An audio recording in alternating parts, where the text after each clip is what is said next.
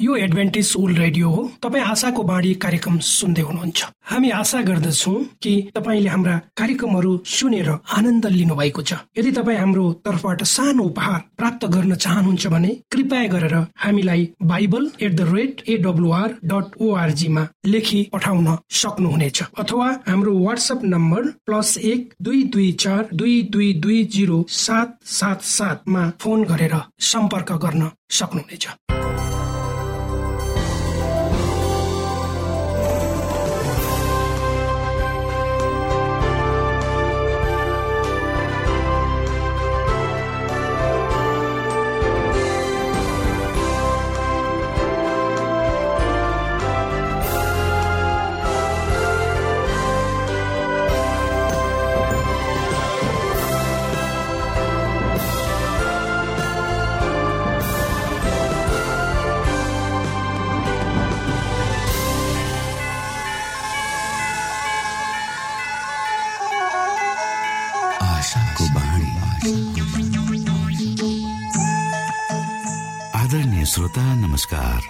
समय तपाईँ Adventist world रेडियोको प्रस्तुति भोइस अफ होप आशाको बाणी कार्यक्रम सुन्दै हुनुहुन्छ। कार्यक्रम प्रस्तुता म रवि यो समय तपाईँको साथमा छु। परमेश्वरले भन्नुभएको छ तिमीहरूका कानले सुन्नेछौ बाटो यही हो यसैमा हिँड। श्रोता आशाको बाणी कार्यक्रमले हामीले चुन्नु पर्ने बाटोको विषयमा हामीले हिँड्नु पर्ने बाटोको विषयमा जानकारी गराउने गर्दछ। धेरै धेरै बाटाहरूको बीचमा कुन चाहिँ बाटो रोज्ने भनेर अलमलिएको मनलाई परमेश्वर तर्फ फर्काउन परमेश्वरको सत्यतालाई बुझ्न आशाको बाणी कार्यक्रम नियमित सुन्नुहोस्। तपाईँले सही बाटो सत्य जीवन र प्रभु येशु क्रिस्टलाई भेट्नुहुनेछ। आउनु श्रोता हामी हाम्रो मुख्य कार्यक्रममा जानु अगाडि आज पनि सुन्नेछौ यो मधुर क्रिस्टीय भजन।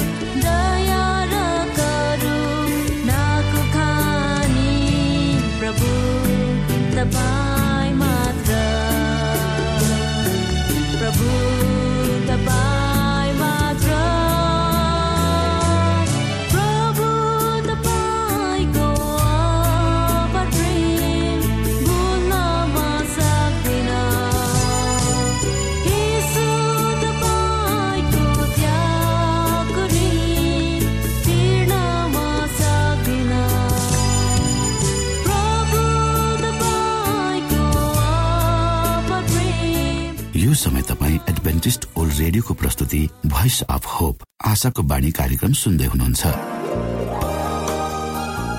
तपाईँ आशाको बाणी कार्यक्रम सुन्दै हुनुहुन्छ। हामी आशा गर्दछौ कि तपाईँले हाम्रा कार्यक्रमहरू सुनेर आनन्द लिनुभएको छ। यदि तपाईँ हाम्रो तर्फबाट सानो उपहार प्राप्त गर्न चाहनुहुन्छ भने कृपया गरेर हामीलाई bible at the rate AWR dot ओआरजीमा लेखी पठाउन सक्नुहुनेछ। अथवा हाम्रो वाट्सएप नम्बर प्लस एक दुई दुई चार दुई दुई दुई जिरो सात सात सातमा फोन गरेर सम्पर्क गर्न सक्नुहुनेछ। श्रोता मित्र यो समय हामी पास्टर उमेश पोखरेलबाट आजको बाइबल सन्देश सुन्नेछौ। श्रोत साथी न्यानो अभिवादन साथ म तपाईँको आफ्नै आफन्त अथवा पास्टर उमेश पोखरेल। परमेश्वरको वचन लिएर यो रेडियो कार्यक्रम मार्फत पुनः तपाईँको घर आँगनमा उपस्थित भएको छु। श्रोता आउनुहोस् तपाईँ हामी केही समय परमेश्वर सँगसँगै आफ्नो समय बिताउँ। र परमेश्वर को हुनुहुँदो रहेछ भनेर अझ नजिकबाट चिन्ने कोसिस गरौँ। मलाई आशा छ तपाईँका जीवनहरूका सबै पक्षहरू ठिकठाक रूपमा अगाडि बढ्दैछन्। यदि तपाईँका कुनै समस्याहरू छन् कुनै जिज्ञासाहरू छन् कुनै कुरा तपाईँ हामीसँग बाँड्नु चाहनुहुन्छ भने कृपया हाम्रो पत्र व्यवहारको ठेगानामा हामीलाई लेखेर पठाइदिनु भयो भने हामी तपाईँप्रति धन्यवादी हुने थियौँ। आउनुहोस् आजको प्रस्तुतिलाई पस गर्नुभन्दा पहिले हामी परमेश्वरमा अगुवाईको लागि बिन्ती राख्नेछौँ। जीवित जिउँदोमा दयाल परमेश्वर प्रभु हामी धन्यवादी छौँ यो जीवन र जीवनमा दिनुभएका प्रशस्त आशिषको लागि। यो रेडियो कार्यक्रमलाई प्रभु म तपाईँको हातमा राख्दछु। यसलाई तपाईँको राज्य र महिमाको प्रचारको खातिर यो देश सारा संसारमा तपाईँले पुर्याउँछ सबै बिन्ती प्रभु यीशुको नाम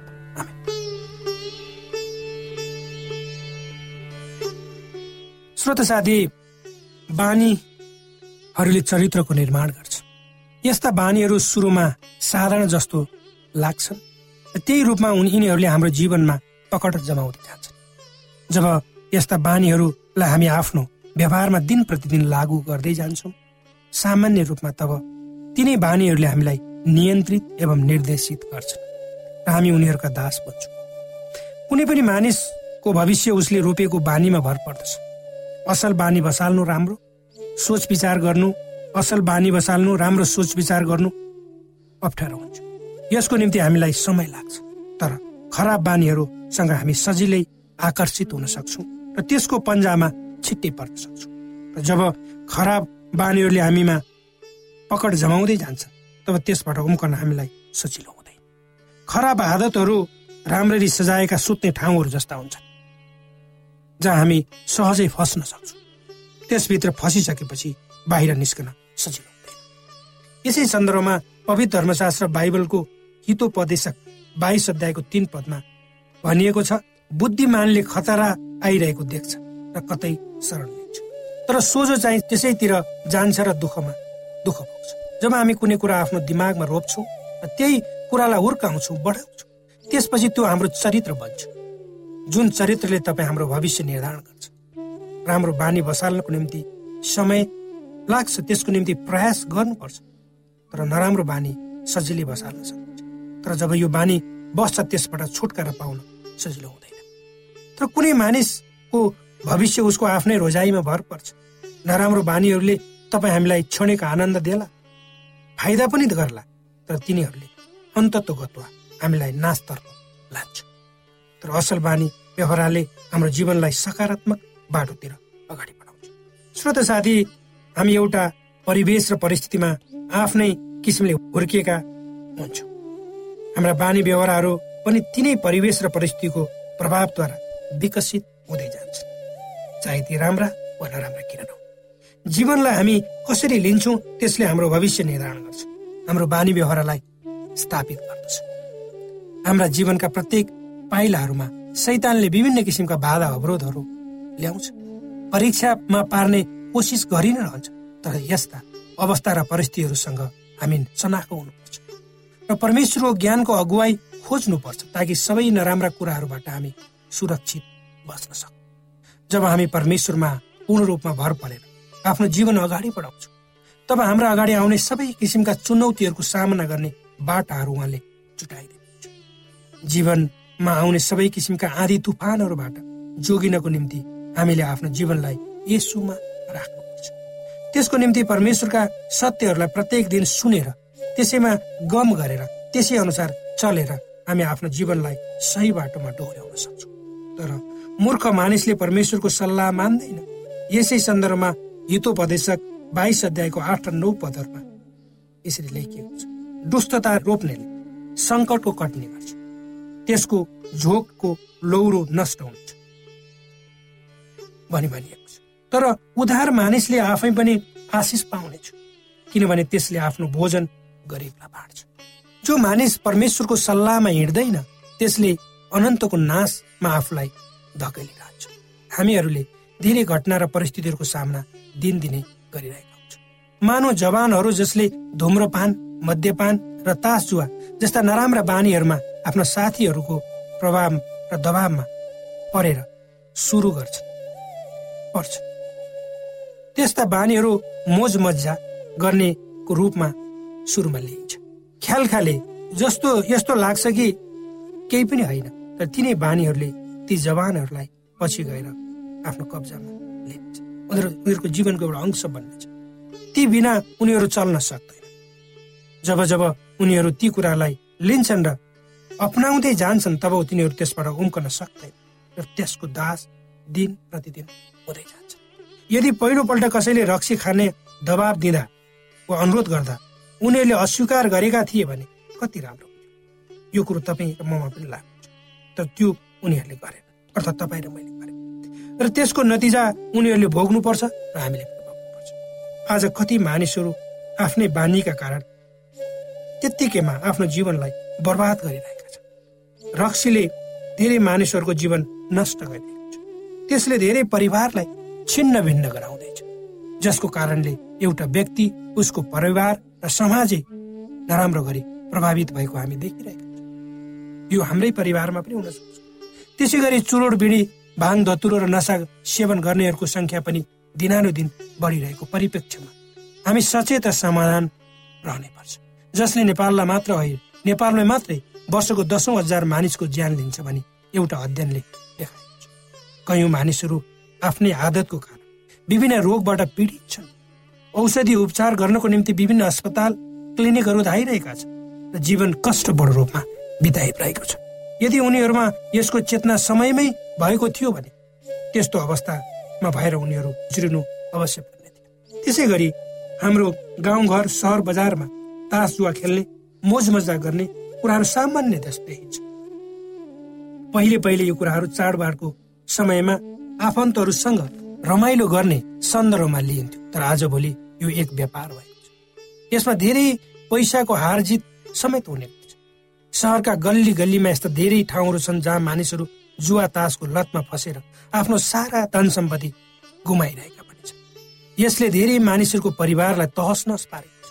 आँखाले हामीले देखेका छौँ सुनेका जब आर्थिक रूपमा मानिस असन्तुलित बन्दै जान्छ उसमा मानसिक विचलन आउँछ। त्यसले उक्त मानिसको जीवनमा मात्र होइन उसँग आश्रित उसको परिवारमाथि पनि विभिन्न किसिमको मानसिक आर्थिक दबावहरू पर्दछ। त्यसले उक्त परिवारको ऊर्जालाई अर्थात् केही गर्ने प्रतिबद्धतालाई मारिदिन्छ। अनि त जीवन खुसी आनन्दको निम्ति नभई बोझ बन्छ।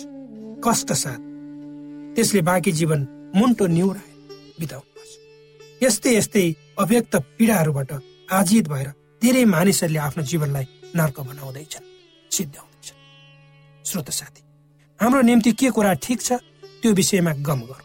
कुन कुराले हाम्रो समाजलाई राम्रो गर्न सक्छ त्यसमा पनि गम गरौँ। त्यही कार्यमा आफूलाई लगाऊ। जहिले पनि आशावादी रहँ।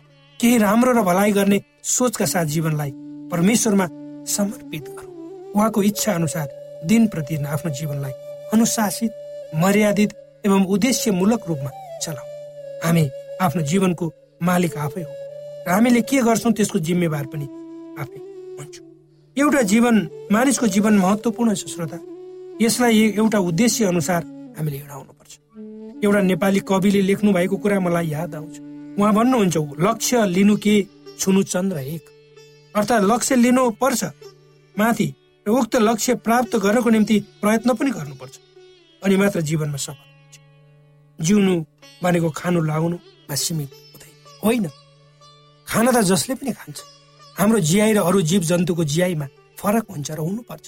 त्यसैले हामी मान्छौँ पवित्र धर्मशास्त्र बाइबलको उत्पत्तिको पुस्तकमा गयौँ भने त्यहाँ परमेश्वरले मानिसलाई अन्य कुराहरूभन्दा भिन्न र फरक किसिमले सृष्टि गर्नुभयो भनेर भन्ने अनि आफूले गर्नुभएका सम्पूर्ण सृष्टिको संरक्षण र सम्वर्धन गर्ने जिम्मेवारी पनि परमेश्वरले मानिसलाई दिनुभयो भनेर भनेको छ। यस सन्दर्भमा यस अर्थमा हाम्रो जियाई र अन्य जीव जन्तुहरूको जियाईमा फरक हुन्छ र रहनुपर्छ। परमेश्वरले यी वचनहरूद्वारा तपाईँलाई आशिष दिउन्।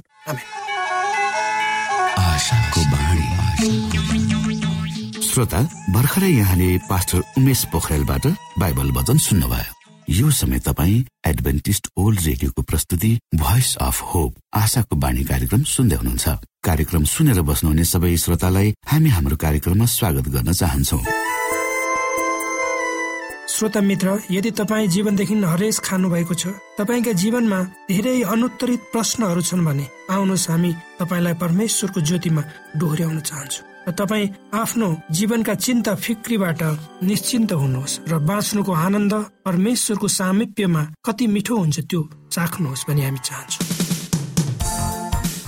श्रोता यदि तपाईँ आशाको बाणी कार्यक्रमलाई अनलाइन सुन्न चाहनुहुन्छ वा डाउनलोड गर्न चाहनुहुन्छ भने ओआरजीमा जानुहोस्। त्यहाँ तपाईँले प्रत्येक दिनको कार्यक्रम सुन्न र डाउनलोड गर्न सक्नुहुनेछ। हाम्रो वेब पेज यस प्रकार छ। www.awr.org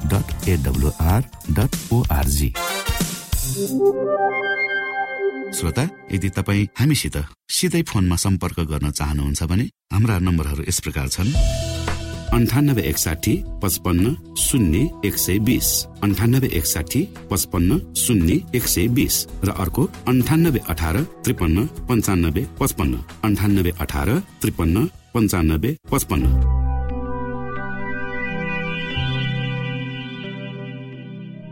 यो एडभेन्टिस ओल्ड रेडियो हो। तपाईँ आशाको बाणी कार्यक्रम सुन्दै हुनुहुन्छ। यस सम्बन्धी थप जानकारीको लागि कृपया गरेर हामीलाई सम्पर्क राख्न सक्नुहुनेछ।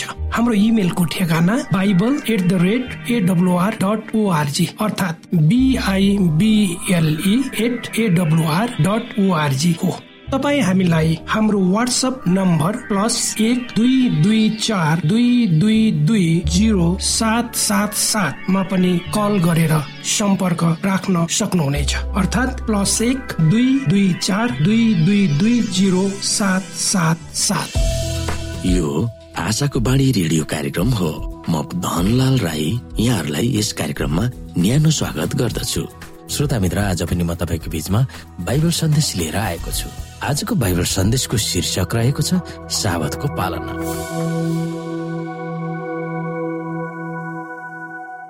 श्रोता साथी आफ्ना जनहरूलाई साबतको पालना गर्न परमेश्वरले आदेश दिनुहुन्छ तर सल्लाह र सुझाव होइन। नमार्नु नचोर्नु जस्ता आदेशहरूसँग परमेश्वरले साबातलाई याद गर्नु भनेर आदेश दिनुभएको छ। तर तत्काल परिवेशमा साबत ठ्याक्कै कसरी पालन गर्ने भनेर जनाइएको छैन। तर साबत पालन गर्ने र त्यसको प्रबन्धन वा उत्थान गर्ने वातावरणलाई हामी कसरी सिर्जना गर्ने? हामी केही बाइबलका पदहरू हेर्न सक्छौँ यतिखेर।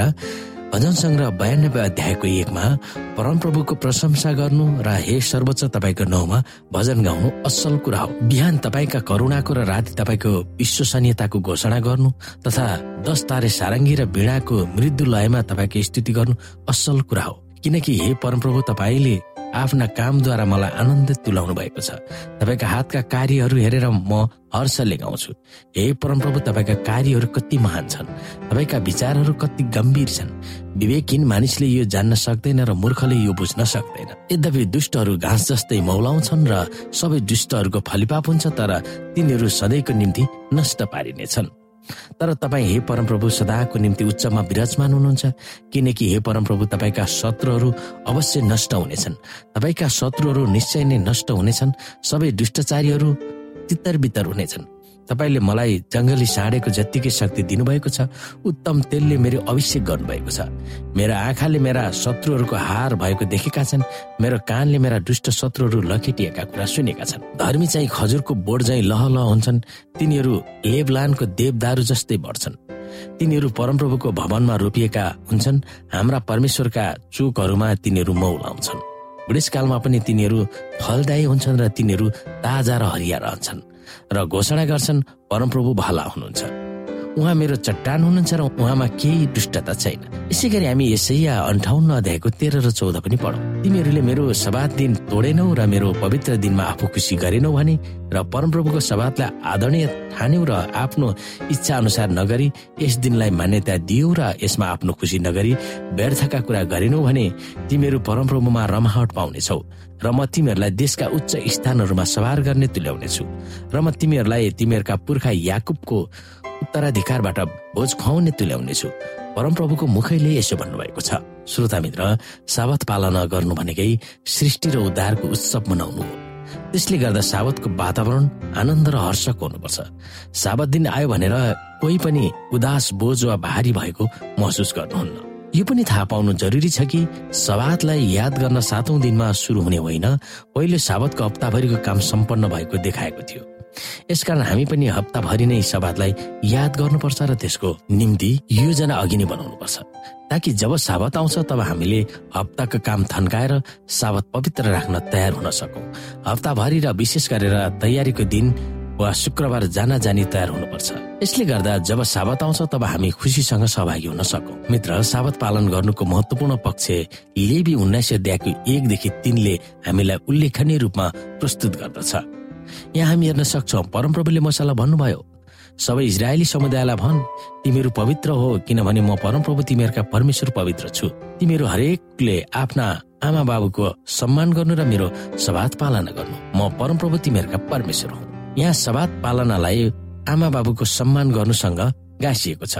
त्यसले गर्दा साबत पालन गर्नु भनेको हाम्रा परिवार र मित्रहरूको सम्बन्धलाई पोसाउनु हो। सारा परिवार मिलेर संगति गर्नेमा हामी केन्द्रित हुन सकौँ भनेर परमेश्वरले हामीलाई साबत उपलब्ध गराउनु भएको। त्यसमा घरका अरू कामदारहरू पाहुनाहरू र परिवारका वस्तुहरूले पनि विश्राम लिने कुरो समावेश भएको हामी पाउँछौ। प्रस्थान बिस अध्यायको आठदेखि एघारमा सबात र परिवार सँगसँगै जान्छ। सबात भनेको परिवारसँग विश्राम लिने नीतिमा प्रतिबद्ध हुनु भनेको भए तापनि यसको उपयोगितामा परमेश्वरको आराधना गर्न सहभागी हुने पनि हो। त्यस समय हामी चर्चको परिवारसँग मिलिजुली परमेश्वरको आराधना गर्छौँ। जब संसारमा यसो हुनुहुन्थ्यो त्यस बेला उहाँले साबतको आज्ञा अनुसार आराधनामा अगुवाई गर्नुभएको थियो। र साबतको गरिमालाई सम्मान गर्नुभएको थियो। हामी यहाँनिर हेर्न सक्छौ लेबी तेइस अध्यायको दिनमा छ दिन काम गरियोस् तर सातौं दिन चाहिँ विशेष विश्रामको दिन सभा एक पवित्र सभाको दिन हो। त्यस दिन तिमीहरूले कुनै किसिमको काम नगर्नु। तिमीहरूले जहीँ बसोबास गरे तापनि त्यो परमप्रभुको सभा हो उहाँ नासरतमा आउनुभयो जहाँ उहाँ हुर्कनु भएको थियो। उहाँ आफ्नो आदत अनुसार सभा दिनमा सभाघरमा जानुभयो र पढ्नलाई खडा हुनुभयो हेब्रु दस अध्यायको पच्चिसमा कतिजनाको सङ्गतिमा नजाने बानी हुन्छ तर हामी चाहिँ एकसाथ भिला हुन नछोडौँ। तर प्रभुको दिन नजिक आइरहेको तिमीहरूले देखेका हुनाले एउटाले अर्कालाई झन प्रोत्साहन देऊ यसै गरी हिब्रू चार अध्यायको नौदेखि एघारमा यसकारण परमेश्वरका जनहरूका निम्ति सबादको विश्राम बाँकी नै छ। किनकि परमेश्वरको विश्राममा प्रवेश गर्ने जोसुकैले पनि आफ्नो परिश्रमदेखि विश्राम गर्छ जसरी परमेश्वरले आफ्नो परिश्रमदेखि विश्राम लिनुभयो। यसकारण हामी त्यस विश्राममा प्रवेश गर्नलाई प्रयत्न गरौं र त्यस्तै किसिमको अनाज्ञाकारिताद्वारा कोही पनि पीडित नहोस्। श्रोता मित्र हप्ताभरिको काममा हामी व्यस्त हुन्छौँ। हाम्रा जीवनका लयहरू दगुरा दगुर गर्छौँ तैपनि हाम्रो हृदयभित्र सत्य साबतको विश्रामको चाहना गर्छौँ। हाम्रो सृष्टिकर्तासँग हामी सही रूपमा आदान प्रदान गर्न चाहन्छौ। हामीहरूको सबै कामको व्यस्ततालाई रोकेर परमेश्वरसँग समय बिताउने सम्झनाले उहाँसँगको सम्बन्धलाई हामी पोसाउँछौँ। अनि उहाँकै लयमा हामी बसेर साबतको विश्रामको अनुभव गर्छौँ। मित्र तपाईँको अनुभवमा साबत कस्तो छ र त्यसलाई पालना गरेर पाउने आशिषहरूको कसरी अनुभूत गर्नुभएको छ? कुन कुन तरिकाले साबतलाई अझ पवित्र र अर्थमूलक र आत्मिक बनाउन हामी सक्दछौ? यो कुरा तपाईँ र मैले विचार गर्नुपर्दछ।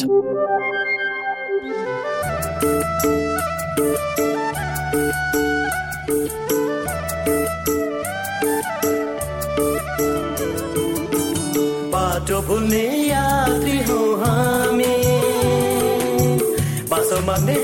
बाटुवा हौ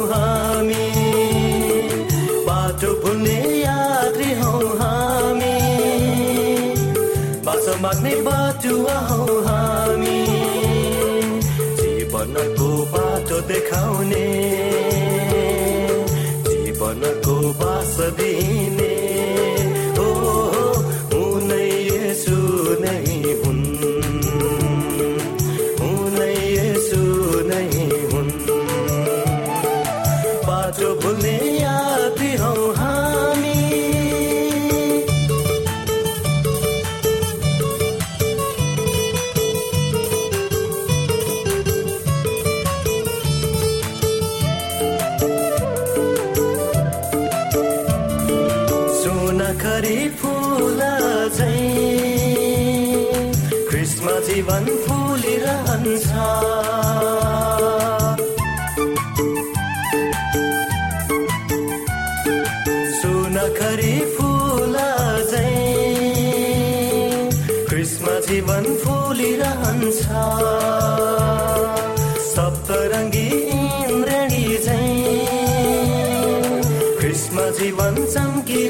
चम्किरहन्छ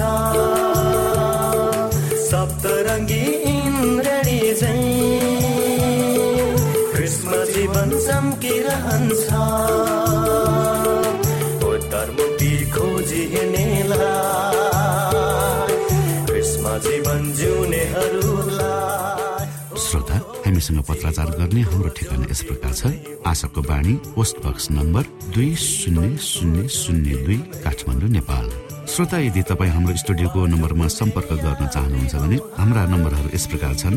अन्ठानब्बे एकसाठी पचपन्न शून्य एक सय बिस। अन्ठानब्बे एकसाठी पचपन्न शून्य एक सय बिस। र अर्को अन्ठानब्बे अठार त्रिपन्न पन्चानब्बे पचपन्न। अन्ठानब्बे अठार त्रिपन्न पन्चानब्बे पचपन्न। हाम्रो इमेल एड्रेस यस प्रकार छ।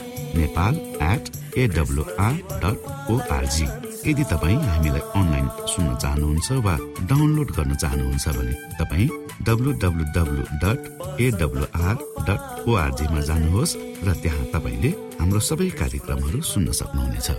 हवस् त श्रोता भोलि फेरि यही स्टेशन र यही समयमा यहाँसँग भेट्ने आशा राख्दै प्राविधिक साथी राजेश आडा पास्टर उमेश पोखरेल र कार्यक्रम प्रस्तुता म रवि यहाँसँग विदा माग्दछौ। नमस्कार।